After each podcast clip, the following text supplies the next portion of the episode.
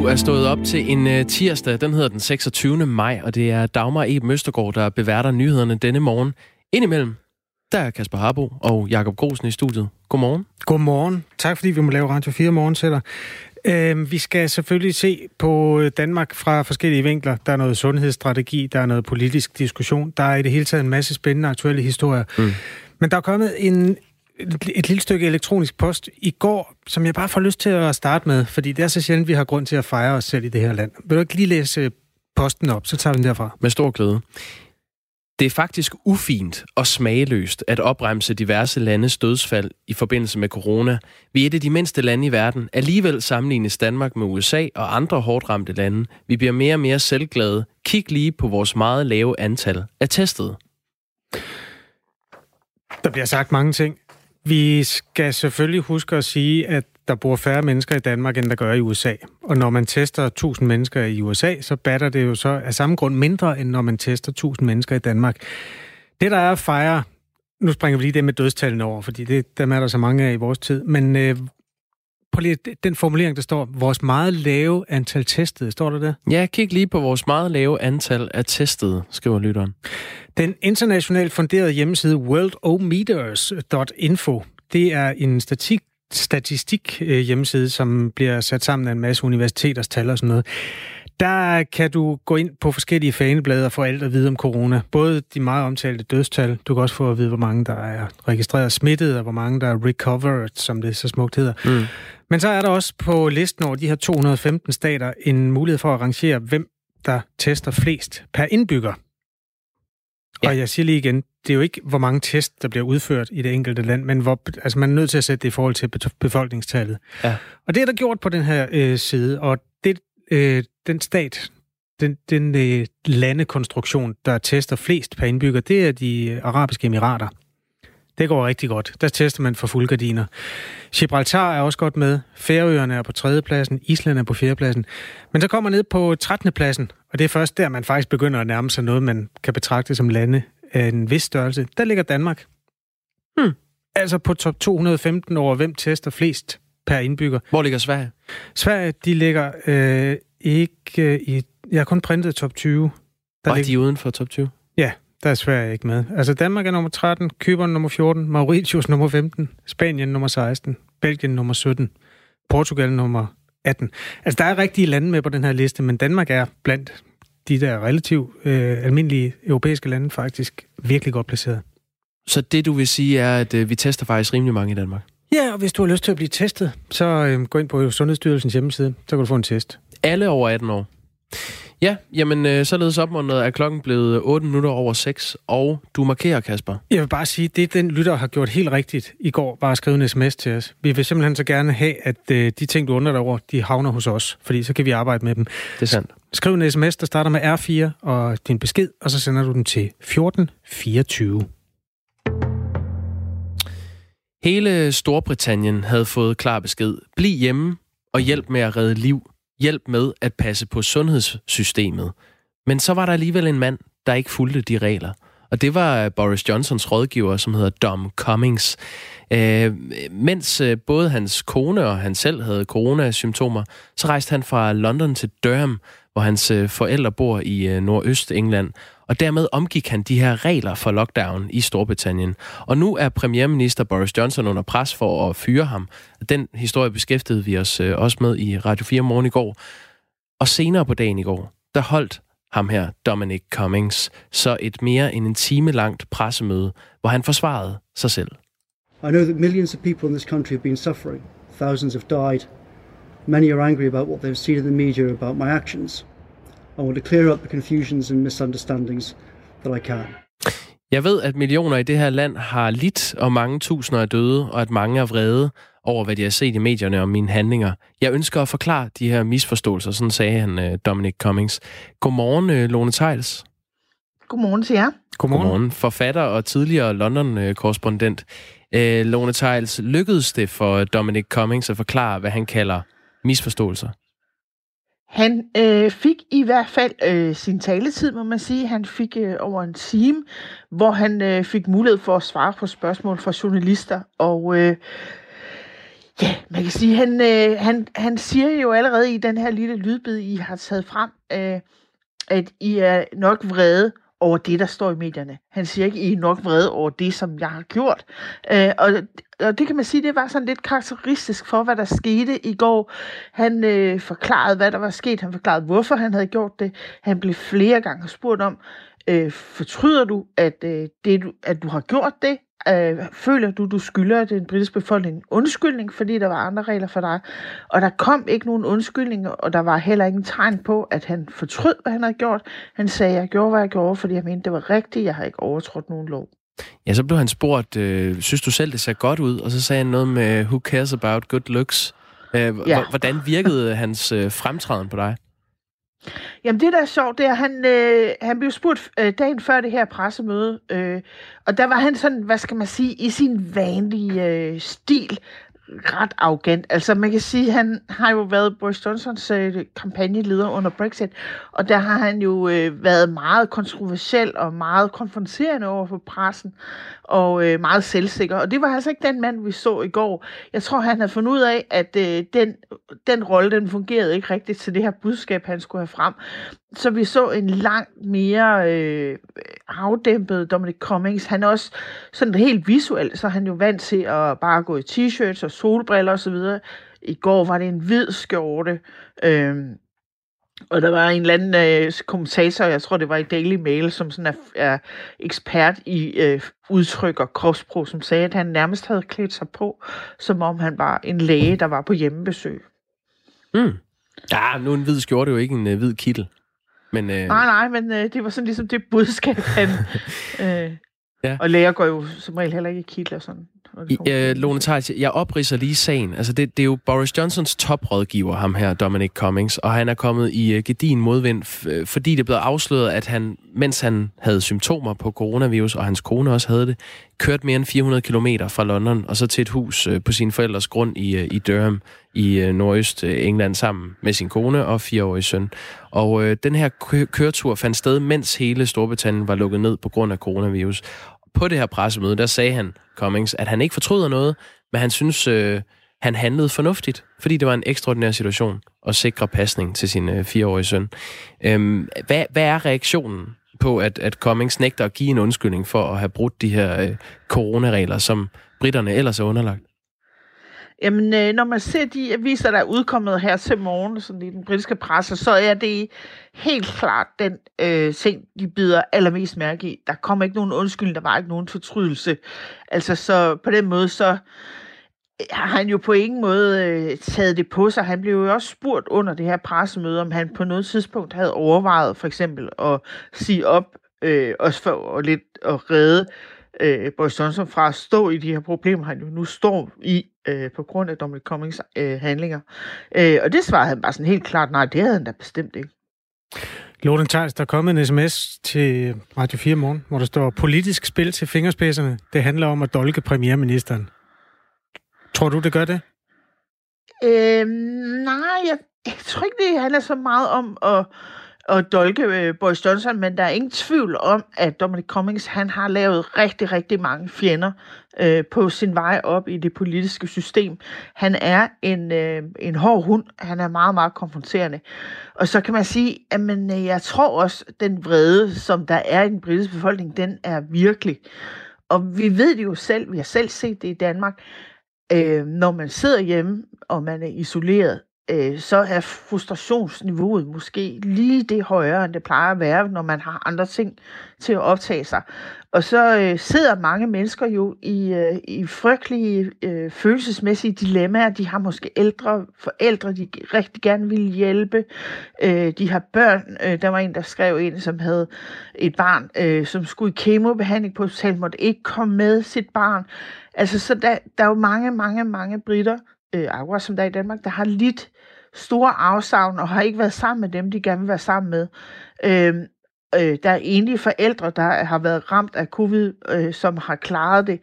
Så øh, de her forklaringer, Dominic Cummings han kommer med, altså de, de, øh, de virker ikke troværdigt på rigtig mange mennesker. Og der har så været en yderligere detalje, som jo er, at da han kørte til Durham. Øh, så er på et tidspunkt, så besøger han altså sådan et lokalt øh, slot, og det gør han i øvrigt øh, på sin fødselsdag. Øhm, og hans egen forklaring på det, det var, at han ville lige teste øh, Øh, sit øjesyn, fordi han havde haft nogle synsforstyrrelser i forhold til, øh, at han, han jo selv havde covid på et tidspunkt. Øh, og det her folk altså haft lidt af en fest med på Twitter. Øh, der er nogen, der har sagt, uha, det kommer til at gå ud over hans øh, bilforsikring, det her. Øh, og at, øh, der var en, der skrev, øh, jeg er blind, øh, bør jeg lege en bil for lige at teste? Mm. Da, øh, Lone Seils, da du så det her pressemøde, så, øh, så bed du selv mærke i, at, at Dominic Cummings, som jo normalt er en meget selvsikker og sådan lidt øh, konfronterende øh, personlighed. Han virkede ret utilpas i den situation. Øhm, og den her enorme vrede, vi ser blandt øh, britterne over, at øh, der synes at gælde andre regler for en toprådgiver som Cummings, end der gør for øh, common people, er den øh, kommet bag på, på Dominic Cummings? Ja, det må den jo til synligheden være, kan man sige. Øh, altså, jeg, Øh, det, det er jo svært at vide, hvad der foregår helt nøjagtigt ind i hovedet på ham, men øh, man kan sige, at han har jo etableret et, øh, et mønster, hvor han under Brexit-kampagnen, og i øvrigt også øh, langt hen ad vejen, mens han var kampagneleder for Boris Johnson, med at få, øh, og sad og, og var strategimester, kan man sige, i at få Theresa May væltet af pinden, så Boris Johnson kunne blive leder af det konservative parti, og efterfølgende selvfølgelig også hjælpe ham igennem valget, som øh, Boris Johnson vandt overvældende, øh, jamen så har han jo været vant til at være fuldstændig revnende ligeglad med, hvad folk tænker om ham, og, øh, og pressens fine fornemmelser, når de begynder at snakke om sandhed og etik og alt sådan noget. Han har blæst højt og fint på det. Så han har jo ligesom etableret et mønster, at han er fuldstændig ligeglad med, hvad folk siger, fordi han har følt, at han havde folkestemningen bag sig. Og der kan man sige, det har han ikke lige nu. Og det tror jeg er kommet bag på ham. Det er måske første gang, han ikke har rigtig kunne sige det. Og, øh, og en af de sjovere ting, man øh, måske kan øh, sådan citere fra Twitter, det er faktisk et gammelt citat fra øh, Tony Blairs gamle spindoktor, øh, som sagde, hvis man først har en avis som The Daily Mail, som jo er sådan meget, meget højorienteret, og man har The Guardian, som er, er ret venstreorienteret, og de er enige om noget, så kan man op, godt opgive at få den her sag igennem. Og det, det er, hvad vi oplever i de her dage, at både The Daily Mail og The Guardian og en lang række andre britiske medier synes, at det her det er helt forkert. Øh, Lone Theils, lad os lige øh, høre hans øh, egen reaktion, altså øh, Boris Johnsons egen reaktion på sin toprådgivers øh, forklaringer. You know, do I do I do I regret what is uh, what has happened? And yes, of, of course, I, I I I I do regret the confusion and the anger and the pain that people feel. Ja, han, øh, han fortryder øh, forvirringen. det er jo, øh, han fortryder ja, han er blevet misforstået. Hvorfor, hvorfor fyrer han ikke øh, bare Cummings lige kort her til sidst? Jamen altså for det første så er han dybt afhængig af ham. Han er, altså, Cummings er strategien bag Boris Johnson. Så det er det ene ting. Og den anden ting er, at det vil jo selvfølgelig øh, blive set som et kæmpe svaghedstegn, hvis han skiller sig af med ham. Lone Tejls, forfatter og tidligere korrespondent i London, og altså også stået tidligt op i dag på den her tirsdag. Tak fordi du gjorde det. Velkommen. Klokken den er blevet 19 øh, minutter over 6, og du lytter til Radio 4 morgen, og tak for det. Efter en tur til England skal vi nu en tur til Danmark, til øh, hovedstadsområdet og til vandet ud for hovedstadsområdet, hvor der er planlagt at hælde en hel del toiletvand ud. 290.000 kubikmeter toiletvand med indhold.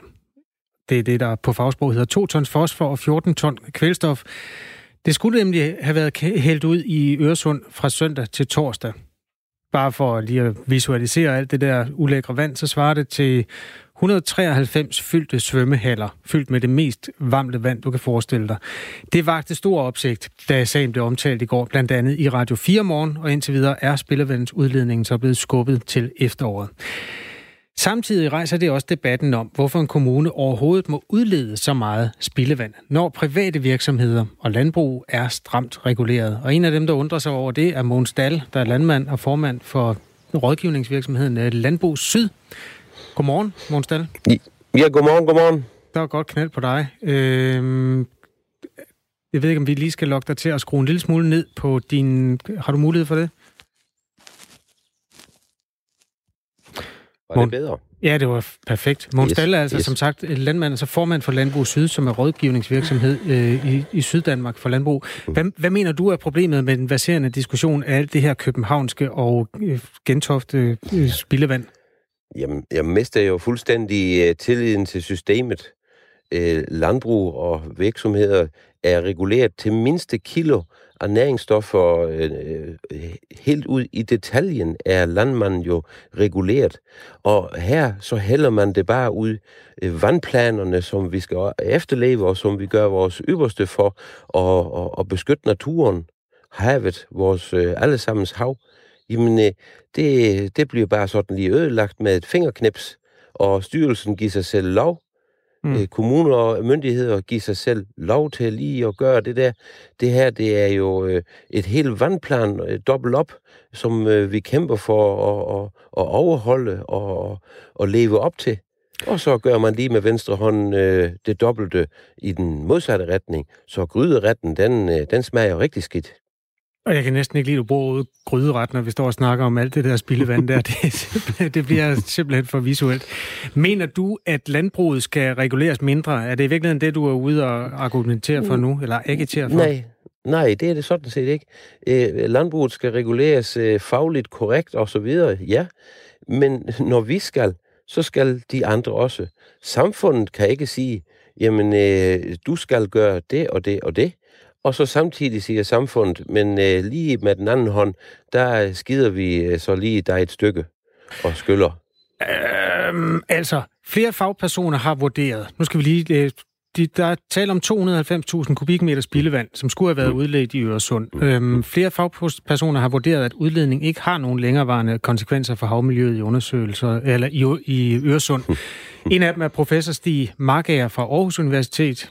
Han siger til Dagbladet Politikken, at den ekstra midlertidige udledning ikke betyder noget som helst for havmiljøet i Øresund. Det- Hvis det, Det, er det, var da rigtigt, det var da utroligt. Han mener det ellers, at øh, hvert gram øh, kvælstof og fosfor i havmiljøet er et kæmpe problem, når det kommer fra landbruget. Han er jo landbrugets, øh, ja, øh, øh, ikke fjende, men i hvert fald meget, meget potærende, når han øh, kan stikke kæppe i hjul for et eller andet i, i landbruget, og er meget, meget vidende. Så det undrer mig. Ja, jeg tror næsten ikke på julemanden, men det gør jeg vel nu, når Stig Mærkager, han siger det. Der går meget Øh, motivforskning i det nu. Det tror jeg, vi skal passe på med, når vi ikke har ham med. Og så lad os koncentrere os om, Jamen, hvis nu vi øh, tager for givet, at han er videnskabsmand og ved, hvad han snakker Yes. om, hvad er problemet så, hvis det ikke har nogen betydning for havmiljøet i Øresund? Ja, jamen, øh, så kan vi jo alle sammen øh, bare sløjfe alle rensningsanlæg i Danmark, og så bare øh, spare de penge. Så kan vi, så kan vi så bare øh, sætte os på det store toilet, og så skide lige ud i vandet, hvis det ikke gør noget. Og har han en forholdelse til, det kunne jeg tænke mig, men som at vide om øh, øh, tungmetaller, øh, miljøfremmede stoffer, hormoner og så videre, medicinrester, øh, som også kommer med det der badevand og toiletvand ud i Øresund og ud i vores havmiljø. Det betyder så heller ikke noget, når man er professor. Jeg tror, der er forskel på, hvis man skal gøre det en lille smule mindre øh, kategorisk, så kan man sige, der er måske forskel på om seks dages udledning fra to kommuner i hovedstadsområdet, og så at sige, at alle Danmarks øh, indbyggere sidder og, Ja. og det besøger ud i vandet. Året rundt, ikke? Ja, ja, det, kan, det tror jeg ikke, for at vandet har jo fået det. Gryderetten har jo fået det det, det og, og, og fosfor, det svømmer jo ikke bare sådan lige væk med strømmen, og så øh, ud i det store hav, og så er det pist borte. Nej, fosfor og miljøfremmede stoffer lægger sig på bunden i sediment, lige der, hvor det sådan cirka bliver ledt ud. Så det har man jo i hundredvis af år, liggende som øh, en lille hilsen.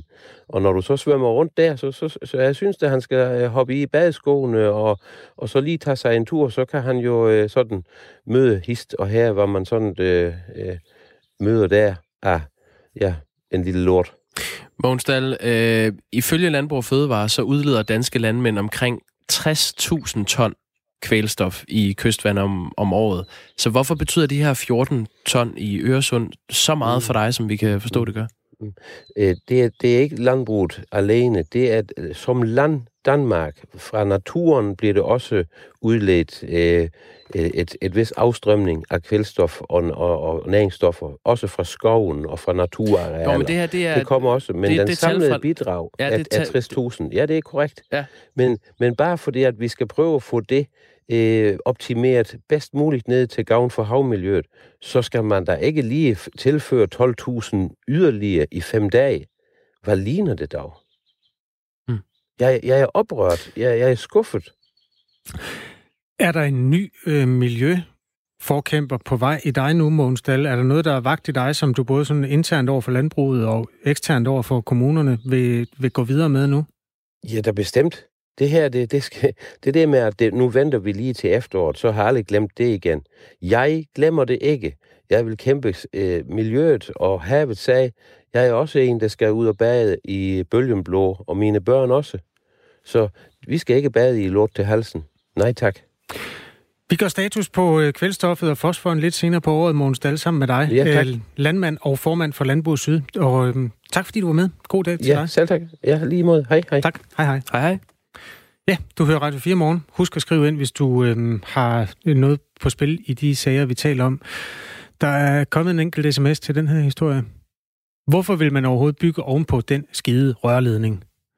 Det er et dejligt opklarende spørgsmål, som vi kan gå videre med i vores øh, fortsatte dækning af sagen. Der er en anden, der skriver, det gjorde de også i 2017. Her formoder jeg, at vi taler om, hvor meget der bliver lukket ud. Mm, ja, det, det ved jeg simpelthen ikke. Øh, vil du ikke skrive ind igen, der der har skrevet det? Hvad, hvem er de, som, som gjorde det i 2017? Det vil vi gerne vide mere om. Klokken den er blevet øh, 26 minutter over 6. Under coronakrisen har alle virksomheder kunne søge hjælpepakker fra staten, hvis de var nødt til at sende medarbejdere hjem. Godmorgen, Lars Tulin. Ja, godmorgen. Godmorgen. Ejer af IT-virksomheden Centex. Øh, øhm, lige et kort oprids af sagen, øh, Lars Thulin. I starten af april, der søgte du om øh, lønkompensation til fire af dine i alt 13 medarbejdere. Og efter et par dage, så øh, annullerer du så den anmodning, fordi du alligevel ikke vil sende dine medarbejdere hjem på lønkompensation. Og lige siden, og det er det, der er sagens kerne her, som vi skal tale med dig om, der har du forsøgt at sende de penge, som du har modtaget fra Erhvervsstyrelsen for de her hjælpepakker, tilbage til Erhvervsstyrelsen. Men uden held, og de har så bedt dig om at holde på pengene, indtil de får styr på, hvordan du kan betale dem tilbage. Måske kan du først betale dem tilbage til Erhvervsstyrelsen en gang i efteråret. Og så i Jyske Vestkysten, der er du citeret for at sige, at det ryster dig, at du ikke kan få lov til at sende de her penge tilbage til Erhvervsstyrelsen. Lars Thulin, hvad er det, der, der ryster dig? Jamen, øh, det jeg synes, der, øh, der er lidt beskæmmende ved det her, det er, det, det er korrekt, at vi, øh, vi beder om lønkompensation. Det, det bliver ligesom opfordret til, og så relativt kort tid efter, selvom vi har sendt mænd hjem, kan vi, sker der noget, der gør, at vi i hvert fald ikke har brug for at, at foretage den. Og vi ringer ind til Erhvervsstyrelsen og beder dem om at annullere det her, hvilket de både bekræfter skriftligt og, øh, og, og mundtligt. Og så hører vi ikke fra dem noget tid, og så pludselig så dumper pengene bare ind i, øh, i øh, ens postkasse. Og der tager vi selvfølgelig fat i dem igen og siger, at vi ønsker dem ikke. Og det, jeg synes, der er lidt beskæmmende, det er, at jeg mener jo, at jeg kan jo se avisen, de er ude og låne en hulens masse penge for at betale øh, andre, der har mere brug for de her øh, lønkompensationspakker og, og hjælpepakker. Samtidig med, at jeg antager, at det ikke kun er mig, men en hel masse andre, der lægger ind med nogen af deres penge, som vi egentlig gerne vil returnere, så behøver de ikke at låne knap så mange penge. Og det, det, det synes jeg er lidt vildt, at man ikke har lavet en plan for at returnere den her slags. De her hjælpepakker, det er jo statens forsøg på at, at redde nogle virksomheder fra at gå nedenom og hjem her under coronakrisen, og det er jo virksomheder som blandt andet din. Øh, og så er det så noget, man selv skal søge om. Man kan søge kompensation for op til 30.000 kroner per medarbejder. Og i øh, Centex, din virksomhed, har du 13 ansatte, og så har du så søgt øh, kompensation for fire af dem. Øh, hvorfor søgte du de her penge til at begynde med, hvis du ikke reelt vidste, om du havde brug for dem? Jamen det er fordi, for det første så blev man opfordret til, at man skulle øh, starte selve ansøgningen, og de sagde selv derinde, at man kunne bare starte med at lave en ansøgning, og så kunne man altid efterfølgende annullere den, hvis det ikke var nødvendigt øh, at bruge dem, når det kom så vidt. Øh, og, og vi stod og kiggede ind på posten, og, og lige, lige præcis på det tidspunkt, der var der ikke rigtig nogen, der vidste, hvad der skete, og hvor dybt det her hul det blev. Og så tænkte vi, så søger vi da også bare om de her midler, når alle folk nu opfordrer til det, velvidende, at vi øh, fra deres egen side af havde fået at vide, at vi kunne bare ringe og annullere det igen. Og det, det synes jeg er lidt ryst, når man så ringer og annullerer det, at det for det første ikke sker, og, øh, fordi så havde de jo aldrig udbetalt pengene, hvis de nu bare havde annulleret det, som de skrev. Men at når de så formodentligvis ved en fejl udbetaler pengene, ikke er klar til at tage imod dem igen. Hvorfor er det egentlig rystende at have penge stående på en konto? Altså, du kan jo bare lade være med at bruge dem, og så overføre dem tilbage, når du øh, får lov til det. Det er korrekt. Altså for os vil det heller ikke være noget problem, men jeg kunne bare forestille mig, at der er en hel del virksomheder øh, rundt omkring, som, øh, hvad skal vi sige, må, måske ikke kan levere de her penge tilbage på et senere tidspunkt af forskellige årsager, og så øh, kan jeg ikke se andet, at så er pengene tabt. Jeg, jeg mener ikke, det er virksomhedens opgave at have have statens pengene liggende ude. Det har vi jo heller ikke med hensyn til skat eller moms i særlig lang tid ad gangen. De skal jo også indbetales øh, enten hver måned eller hver kvartal, så vi ikke har dem liggende. Det er rigtigt. Hvis jeg skulle øh, indtage det modsatte synspunkt, så kunne man sige, at det er heller ikke så tit, der er coronakrise. Og Erhvervsstyrelsen har jo rigtig travlt lige nu med at behandle ansøgere og sådan noget. Hvad, hvad, hvad havde du egentlig forventet øh, i den her situation? Jamen i princippet så er der forventet, at de egentlig bare øh, via mit nem idé havde en konto stående, hvor man så returnerede de her penge på og loggede ind med sit nem idé, og så uden jeg skal gøre mig helt vildt flå på det, vil jeg jo antage, at de havde en, en, en ID af, hvem jeg var lige så vel, som da jeg, øh, hvad skal vi sige, søgte om pengene. Er så det, det har egentlig regnet med, at man havde hele systemet op at køre. Er det egentlig, altså hvis det ikke er et øh, decideret problem for, for dig, øh, Lars Tolin, og øh, din virksomhed, øh, Centex i Esbjerg, øh, er det så en kamp, du tager på vegne af andre, det her? Ja, både og. Altså, det, det, det kunne det jo blive kvad, det er mig, der har valgt at, at sige et eller andet. Øh, men men jeg, jeg synes bare, det var sådan lidt... Øh, jeg, ved, jeg ved ikke, om jeg vil kalde det for en kamp. Jeg synes bare, man, man, det var nødvendigt lige at gøre opmærksom på, at øh, der er i hvert fald et eller andet, jeg synes, der halter her. Det har du hermed gjort, Lars Tulin. Tak fordi du øh, yes. var med her til morgen. Ejer af. IT-virksomheden Centex i Esbjerg. Ja, god dag. I lige måde, tak. Ja, tak i lige måde. God Æ... dag til dig, der hører Radio 4 morgen i det hele taget. Vi øh, skal have et øh, nyhedsoverblik, som vores kollega Dagmar Eben Østergaard leverer nu, hvor klokken er blevet to minutter over halv syv.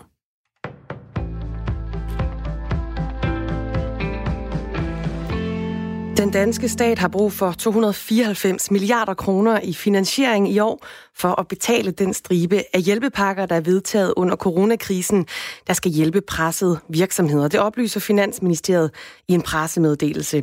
Det er 207 milliarder kroner mere end forventningen den var i slutningen af 2019, hvor coronaviruset endnu ikke havde ramt verden. Staten havde ved udgangen af marts 130 milliarder kroner på sin konto i Nationalbanken, som man kan vælge at trække på, men kontoen den må ikke gå i minus. Dermed så skal størstedelen af de 294 milliarder kroner lånes. Og det er Nationalbanken, som står for at hente de her lån hjem i finansmarkederne.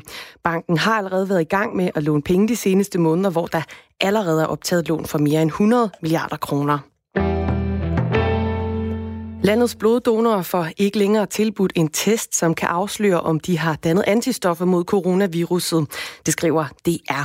Testen den er nemlig blevet indstillet midlertidigt, fordi en ny leverance af testkittet Livson fra Kina ikke giver nær så præcise resultater, som de test, der tidligere er blevet brugt. Bloddonorerne har ellers haft mulighed for at blive testet for antistoffer siden begyndelsen af april måned. På den måde så kunne de være med til at kaste lys over det såkaldte mørketal, som dækker over de personer, der ikke er klar over, om de er smittet, og måske slet ikke har haft nogen symptomer på coronavirus. Men den mulighed, den er altså nu blevet stoppet i hele landet ifølge DR. For den nye test har kun en sikkerhed på 69 procent mod de 82 procent, som den tidligere kunne levere. Dermed så opfylder den ikke de krav, der er blevet stillet det fortæller Bjarne Møller, der er ledende overlæge i Blodbanken på Aarhus Universitetshospital.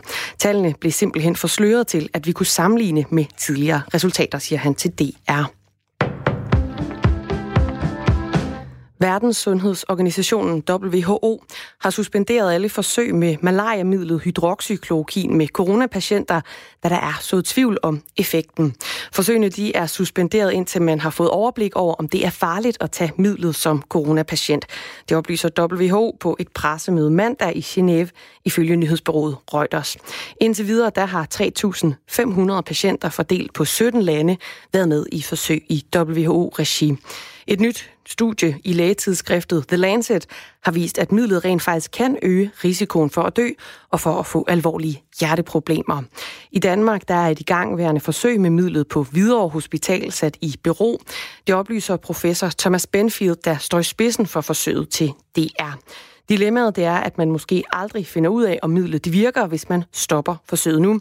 Faren er, at man bremser noget, der kunne have vist sig at have en virkning, men man skal selvfølgelig aldrig fortsætte, hvis der dokumenteres for mange bivirkninger, siger Thomas Benfield. Der er endnu ikke godkendt behandling mod coronavirus, men midlet Remdesivir, der oprindeligt blev udviklet til hepatitis, har vist gode resultater i forsøg med coronapatienter, der har haft kortere indlæggelser og lavere dødelighed. I Danmark har Lægemiddelstyrelsen givet tilladelse til, at hospitaler kan ansøge om brug af remdesivir, og det har mindst 10 danske hospitaler gjort. Her i morgen og formiddagstimerne, der er der tåge flere steder, eller så kommer der nogen eller en del sol. I eftermiddag, der kan der også komme enkelte lokale byer nogle steder. Temperaturerne de lander mellem 15 og 20 graders varme.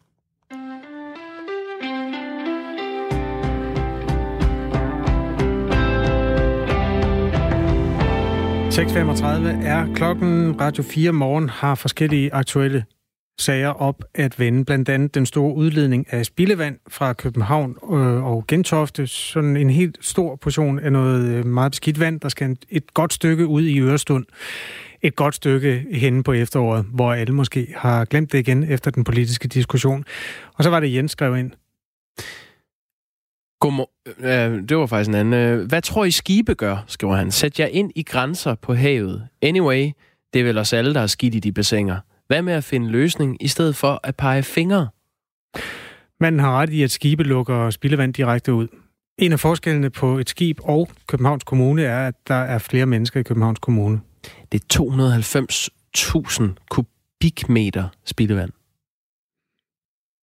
Hvad med at finde en løsning? I stedet for at pege fingre? Skriver Jens. Tak for sms'en. Ja, tak. Nu skal vi se på et mysterium, der har fået arkitekter og historikere til at krasse sig i hovedbunden i hundredvis af år. Hvordan kunne det lade sig gøre at lave sådan en kæmpe, enorm kuppel på toppen af domkirken i Firenze? Kuplen den er mere end 45 meter i diameter. Det er cirka en halv fodboldbane. Og så stikker den cirka 114 meter op. Det er en hel fodboldbane. Og den er muret i et ret avanceret sillebensmønster. Og det, der gør det underligt, er, at det skete for næsten 600 år siden. Det burde man simpelthen ikke have teknik til på det tidspunkt. Det var dengang Europa kun lige havde rejst sig efter en pest, som udslettede en tredjedel af befolkningen. Og der var ikke noget teknik. Der var kun mennesker og dyr til rådighed, når man skulle bygge noget. Hvordan kunne det lade sig gøre at lave en konstruktion, der den dag i dag stadig er verdens største murede kuppel på toppen af domkirken? Jamen, det har et forskerteam nu afdækket, og øh, ja, det er en historie, som Danmarks Radio har fortalt. Nu skal vi øh, hilse på Martin Vangsgaard Jørgensen, der er ansat på Nationalmuseet, som forsker i, hvordan danske kirker er blevet bygget gennem tiden. Godmorgen. Godmorgen. Martin, har du også krasset dig i hovedet i hundredvis af år over den der kuppel i Firenze? Nej, det har jeg ikke, men jeg har glædet mig rigtig meget over den bygning, for det er jo et fantastisk mesterværk, må man sige. Og det er jo spændende, at der bliver stadigvæk kan forskes og bliver forsket i en bygning som den. Fordi det er jo noget, vi alle sammen kan lære af. Hvordan har man for 600 år siden kunne konstruere en kuppel, der er så stor? Jamen altså, jeg synes i virkeligheden skal man måske starte et andet sted og sige, at selve kirken, i, altså domkirken i Firenze, den er blevet påbegyndt i 1296. Altså det vil sige, at den er væsentligt ældre end selve kuppelen. Og det, på det tidspunkt byggede man en model, der inkluderede den her kuppel. Øhm, på det tidspunkt, da man planlagde modellen, der havde man ingen anelse om, hvordan den her kuppel skulle bygges. Og det vil sige, at der så lå en, øh, hvad kan man sige, der lå en opgave til fremtiden der, mm. som byggeriet skrev frem på, på kirken. Der blev det mere og mere aktuelt at finde ud af at finde en løsning på, hvem der rent faktisk kunne gøre det.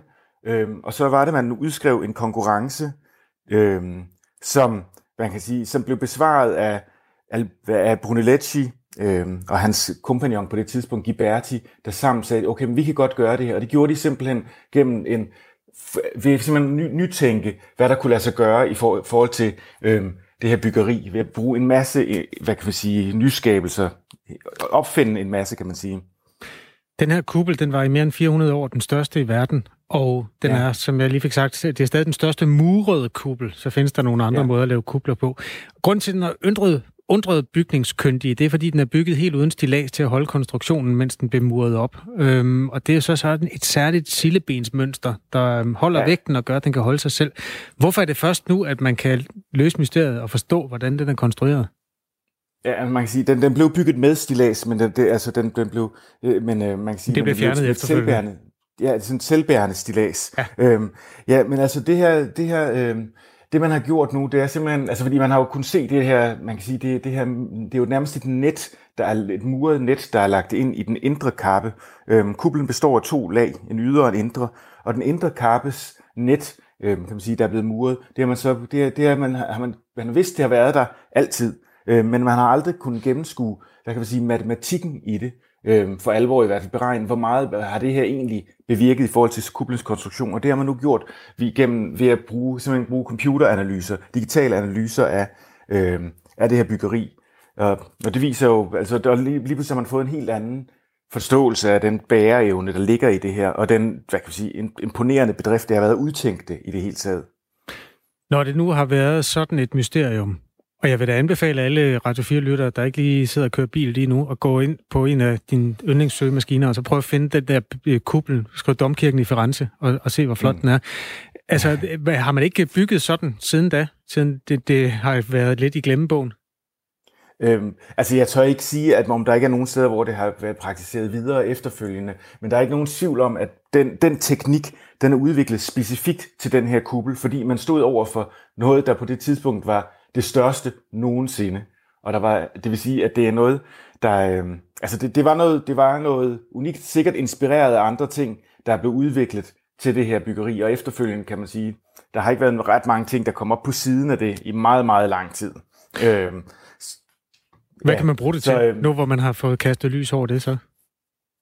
Altså det, man kan sige, det, det, ja, altså konkret kan man sige, så kan vi jo glæde os over at forstå den her, den her bygning bedre. Men udover det er det jo fascinerende at se, hvor langt man har kunnet komme for så mange år siden, øh, uden digitale hjælpemidler, uden, hvad kan man sige, øh, alt, de, alt, de, alt det, vi har til rådighed i dag, når vi skal bygge, når vi skal bygge øh, men simpelthen ved at, afprøve, ved at tegne, ved at afprøve, og ved at have et ufatteligt godt materialekendskab, fordi at der er jo ikke nogen tvivl om, at vi i dag tilskriver Brunelleschi øh, æren for at have tegnet og fundet på den her kuppel, og den, hvad kan man sige, principperne bag den, så den kunne bære.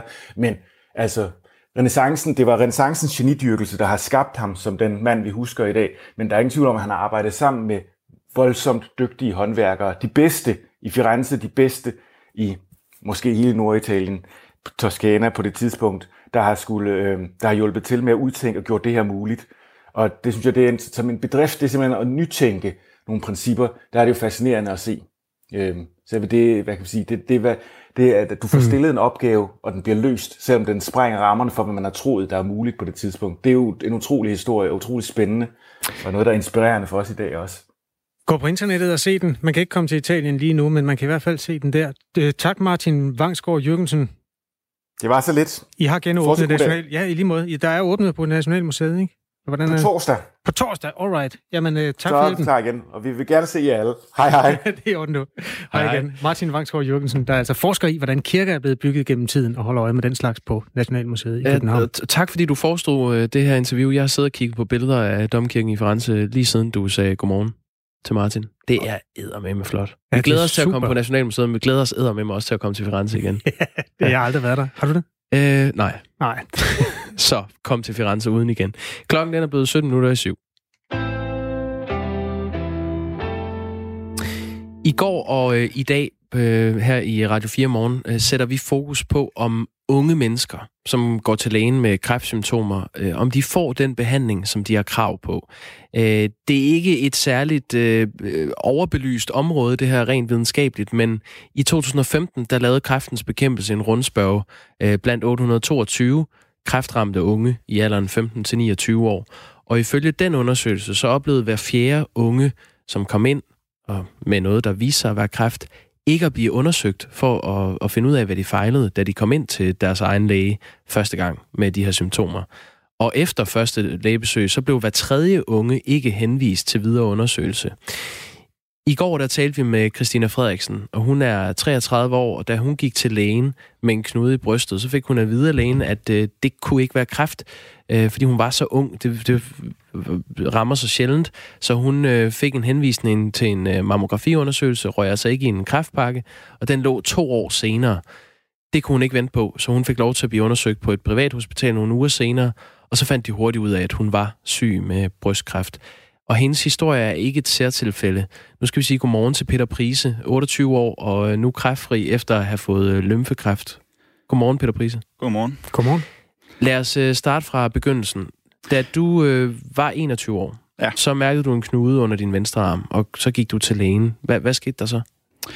Jamen, øh, som sagt, jeg var, jeg var 21 år, og, og bemærkede, at jeg havde sådan en, en knude øh, på størrelse med en golfkugle. Øh, og, og, og det er ikke nogen øh, overdrivelse, altså den, den, den var stor. Øh, jeg tager så til, til lægen, og, og hun begynder at, at, at prikke lidt til den og, og kigge på den. Og jeg tror, hun undersøger måske en to-tre minutter, og spørger, om den gør ondt, og så siger hun, nej, det gør det ikke. Øhm, og, så, og så siger hun, Nå, jamen altså, du, du er jo ung øhm, og frisk og, og i god form, så, så, så det er nok ingenting. Og skal man sige, altså jeg, jeg er jo 21, så jeg tænker, Nå, jamen, det er jo fedt. Øh, så er det bare det. Øh, hun siger så, at den, den, den, den går nok væk af sig selv. Øh, det gjorde den så bare aldrig. Nej, du, du, du satte ikke nogen øh, spørgsmålstegn ved det? Nej, nej, altså fordi altså 21 og, og min viden om, om kraftpakker og PET-scanning og, og hvad der ellers måtte være af, af undersøgelser, man kan tage, øh, som jeg så ved i dag, den, den, den viden havde jeg simpelthen ikke dengang. Øh, og, og jeg troede selvfølgelig på, på hvad lægen hun, øh, hun sagde, og øh, gik ud fra, at hendes faglige vurdering var, var, var rigtig. Hvor længe går der så, før du opsøger en læge igen? Jamen, øh, der går faktisk øh, fire år. Øh, der er 25 der er jeg udsendt øh, i Mali, og øh, der kædede jeg mig tilfældigvis en søndag formiddag i, i lejren, og øh, så vælger jeg så at tage til lægen, fordi det, det gik mig altid en lille smule på alligevel, at det aldrig blev undersøgt ordentligt. Øh, en eller anden scanning eller et eller andet. Øh, så jeg tog til den lægen med, med egentlig forventning om at få det samme svar, som jeg gjorde første gang. Men, øh, men han kiggede så på den, og, og med det samme sagde, at det, det højst sandsynligt var, var kraft og at jeg skulle hjem og, og undersøges og, og få taget en biopsi og, og blod, en masse blodprøver. Og det er så her, øh, Peter Prise, jeg lige kommer med lidt fakta om, øh, om det her område, fordi det er øh, 38.000 danskere, plus minus, øh, får hvert år øh, diagnosen kræft, og 1.400 af dem er mellem 15 og 39 år. 500 af dem er mellem 15 og 29 år. Så de udgør altså øh, 3-4 procent, de unge, af den samlede gruppe af, af kræftpatienter. Og øh, så er det jo så sådan i Danmark, at hvis man øh, går til lægen, og lægen har mistanke om, at man har en kræftsygdom, så skal man henvises til et kræftpakkeforløb, fordi det sikrer, at man øh, bliver undersøgt hurtigt og øh, ja, får stillet den rette diagnose og får den rette behandling selvfølgelig. Øhm, du bliver så henvist til den her kræftpakke fire år efter dit første besøg ved lægen, og så bliver du undersøgt. Hvad, hvad viser de, øh, de undersøgelser? Øh, jamen, det viser, at øh, der ikke er kun er kræft i, i den ene knude, som jeg selv kunne se. Øh, det har spredt sig til, øh, til halsen, kravben og til den anden armhule. Og så viser det sig, at det havde noget, der hedder Hodgkins lymfom, som er en form for lymfeknudekræft. Øhm, og det gør så, at øh, jeg skal begynde på, på kemo og få 28 omgange kemo hen over et, et halvt år. Hvordan var det at få den melding som 25-årig? Den, øh, altså, det er ikke det fedeste. øh, det, det, en ting er at få den så ung, og, og når man selv føler sig, at man er, man er 100% rask. Øh, altså, jeg havde kun en hævet lymfknude. Ellers så, så havde jeg det egentlig, egentlig super godt og var, var frisk og ung. Øhm, så det er den ene side, og så, så den anden var det selvfølgelig, at jamen, det var sgu da ret, ret nederen egentlig, fordi jeg, jeg tog da til lægen for fire år siden, øhm, og, og fik det undersøgt, eller hvad jeg troede, jeg fik det undersøgt, øh, netop for at ikke at være en af de man, man tit hører om i, i, øh, i medierne, når mænd er dårlige til at, at tage til lægen. Og, og jeg kan bare huske, jeg sagde til mig selv, den, den person vil jeg ikke være. Jeg vil ikke sidde om fire år og, og skyde mig selv, fordi jeg, jeg, jeg har det, det får konstateret, at jeg har kræft, og ikke tog til lægen tidligt nok.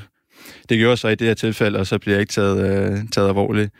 Øh, det, det, det var jeg selvfølgelig ret, øh, ret sur over, øh, lige, lige på det tidspunkt. Mm. Har du været øh, vred på din læge? Um, i, ja, altså de første, det første par uger, der var jeg nok red, øh, red. Øh, men, men heldigvis, kan man sige, så så gik det hurtigt over, og, og, og hvad skal man sige, det gik op for mig, okay, jeg, jeg blev ligesom nødt til at fokusere på noget andet, i hvert fald lige her under kraftforløbet. Øhm, altså, man kan jo ikke uh, spole tiden tilbage, så, så men, øhm, men det er da helt klart noget, jeg tænker over i dag, øh, med, med korttidsbivirkninger og langtidsbivirkninger, om at jamen, hvis, hvis, hvis det hele var sat i gang for fire år tidligere, øh, så kunne det måske være, at jeg kunne have fået en, en, øh, en mildere kraft, eller undskyld, øh, kemobehandling, øh, end den jeg fik. Ja, 28 omgange kemo, det er, det er noget, der trækker tænder ud. Øhm, ja. Ved du, øh, om, om det kunne have været ændret, hvis nu øh, du havde fået opdaget din kræftsygdom, da du var 21 år? Nej, det, det, det ved jeg selvfølgelig ikke med sikkerhed. Øhm, men de siger jo alle sammen, at øh, jo, jo tidligere det bliver opdaget øh, i så, så tidlig stadie, jo, jo bedre. Så, så det, det, det kan ikke have været nogen ulempe at, at starte fire år før. Mm. Kræft er jo ret sjældent hos øh, unge mennesker, og gudskelov for det. Øhm, forstår du godt, at det kan være svært for lægerne at spotte det, fordi man simpelthen ikke regner med, at, øh, at det, man fejler, når der kommer en ung patient ind, er kræft? Øh, jamen, det kan man bare ikke rigtig bruge til så meget, øh, fordi det var jo kræft, og jeg sad der og fik en masse kemo. Øh, så, så de der statistikker og, og alle sådan nogle ting, det, det er sådan, jamen, hvad, hvad, hvad, hvad skal jeg bruge det til? Hvad, hvad skal alle de unge, der sidder på Rigshospitalet eller i Aarhus og, og får øh, stråling, og jeg ved ikke hvad, hvad, hvad skal man bruge det til? Øhm, man, man bliver ligesom nødt til at, at kigge på den individuelle øh, patient og, og tage en, en, en god faglig vurdering. Øhm, jeg tror ikke, det, i, det, i mit tilfælde, at den enkelte læge har, har ikke taget det alvorligt, eller ikke ville, eller jeg, jeg tror, hun har gjort, øh, hvad hun mente var, var, var det rigtige. Øh, men, men der er måske nogle, nogle retningslinjer, eller noget, nogle faglige uddannelser, eller et eller andet, der, der skal løses om på, så sådan en som mig ikke, øh, ikke venter fire år med at, at starte sin behandling. Hvad kunne du godt tænke dig blev ændret for, at andre øh, unge ikke skal opleve det her, du har været igennem? Jamen, det, det er jo nok øh, den, de, hvad skal man sige, ressourcer eller redskaber, øh, en læge har. Øh, nu ved jeg selvfølgelig ikke, hvor, hvor nemt det er, eller hvad der skal til for at sende en patient øh, videre til, til en øh, læge, hvad hedder det, kræftundersøgelse. Øh, men jeg kunne forestille mig, at det var, at der ikke skulle så meget til, Øh, så hvorfor hun, hun tøvede, tøvede med mig dengang, det, det ved jeg ikke, om, om som sagt det var en del af deres uddannelse, eller øh, jeg var et særtilfælde, eller et eller andet. Det, det ved jeg ikke, men, men der skal i hvert fald noget inde i deres faglige uddannelse, som, som gør, at, at det ikke sker igen. Altså på det til, øh, tidspunkt var du faktisk et øh, særtilfælde. Der var du en, en del af de her 500 øh, unge, som desværre udviklet en, øh, en kræftsygdom. Nu talte vi med, øh, med formanden for øh, de praktiserende lægers organisation i går, han hedder Christian Freitag, og han sagde faktisk i, i radioen, at, at det er ikke godt nok. Så det vi kigger på nu, det er, hvad, hvad kan løsningen være? Øhm, men det du kunne tænke dig, det var, at øh, hvis man kommer ind, og der er en, en mistanke, en, den mindste mistanke om, at de symptomer, man kommer med er kræft, så skal man i et kræftpakkeforløb. Ja, ja, helt klart. Øhm, altså, den der fordom, at man er ung og frisk og, og sådan noget, den, jamen, den, den kan man bare ikke rigtig bruge, når, man, når det handler om kraft. Altså, alle kan få det, og alle øh, former og køn, og altså, det er jo lige meget, hvor mange penge man har. Altså, det er lidt ligesom corona, ikke? Alle kan jo få det. Mm. Peter Prise, tak fordi du øh, stillede op her til morgen og fortalte din historie. Jamen, tak fordi jeg måtte. Og dejligt, du er rask. Tak. Klokken er 6.53, og det er altså en af de historier, som vi har fulgt de sidste par dage her i Radio 4 morgen. Der er jo nogle gange de her historier vokser frem af, at folk har et øh, behov, og vi nogle gange hører fra mennesker, der har noget at klemme i den. Du skal ikke øh, tøve, hvis du har øh, noget, du mener, der kan bidrage til nyhedsdækningen her i Radio 4 morgen, med at skrive ind. R4 skriver du først, og et mellemrum, og så din besked, og så sender du den til 1424. 6 minutter i 7 er klokken blevet. Åh, økonomien, den hænger i laser mange steder. Der er mange firmaer, der har det svært, efter at øh, coronaen og restriktionerne har lagt store dele af erhvervslivet ned. Men nu kommer der en god nyhed. Danmark topper en ny liste over lande, som er mest klar til økonomisk opsving igen efter coronakrisen. Der er et analysehus, der hedder Oxford Economics, der har set på, hvilke lande i Europa, der har klaret coronaen bedst, og som derfor står til at komme hurtigst ovenpå igen. Og her topper Danmark listen. Lars Olsen er cheføkonom i Danske Bank. Godmorgen. Godmorgen. Og tillykke til os, eller hvad? Hvordan ser du på det? Nej, det synes jeg faktisk ikke, øh, man skal sige, fordi øh, det er jo en ringe trøst, at øh, det går endnu dårligere alle mulige andre steder. Øh, mm. Altså fordi selvom, øh, selvom der er mange ting, der er gode i Danmark, så må vi jo også sige, det her er jo altså en rigtig, rigtig dyb krise, hvor rigtig mange mennesker har mistet deres arbejde, og rigtig mange har mistet deres indkomst fra deres virksomhed osv. Så, videre. så, øh, så det er jo altså kun i forhold til de andre. Men trods alt øh, er det jo altså et tegn på, at det kunne være meget værre.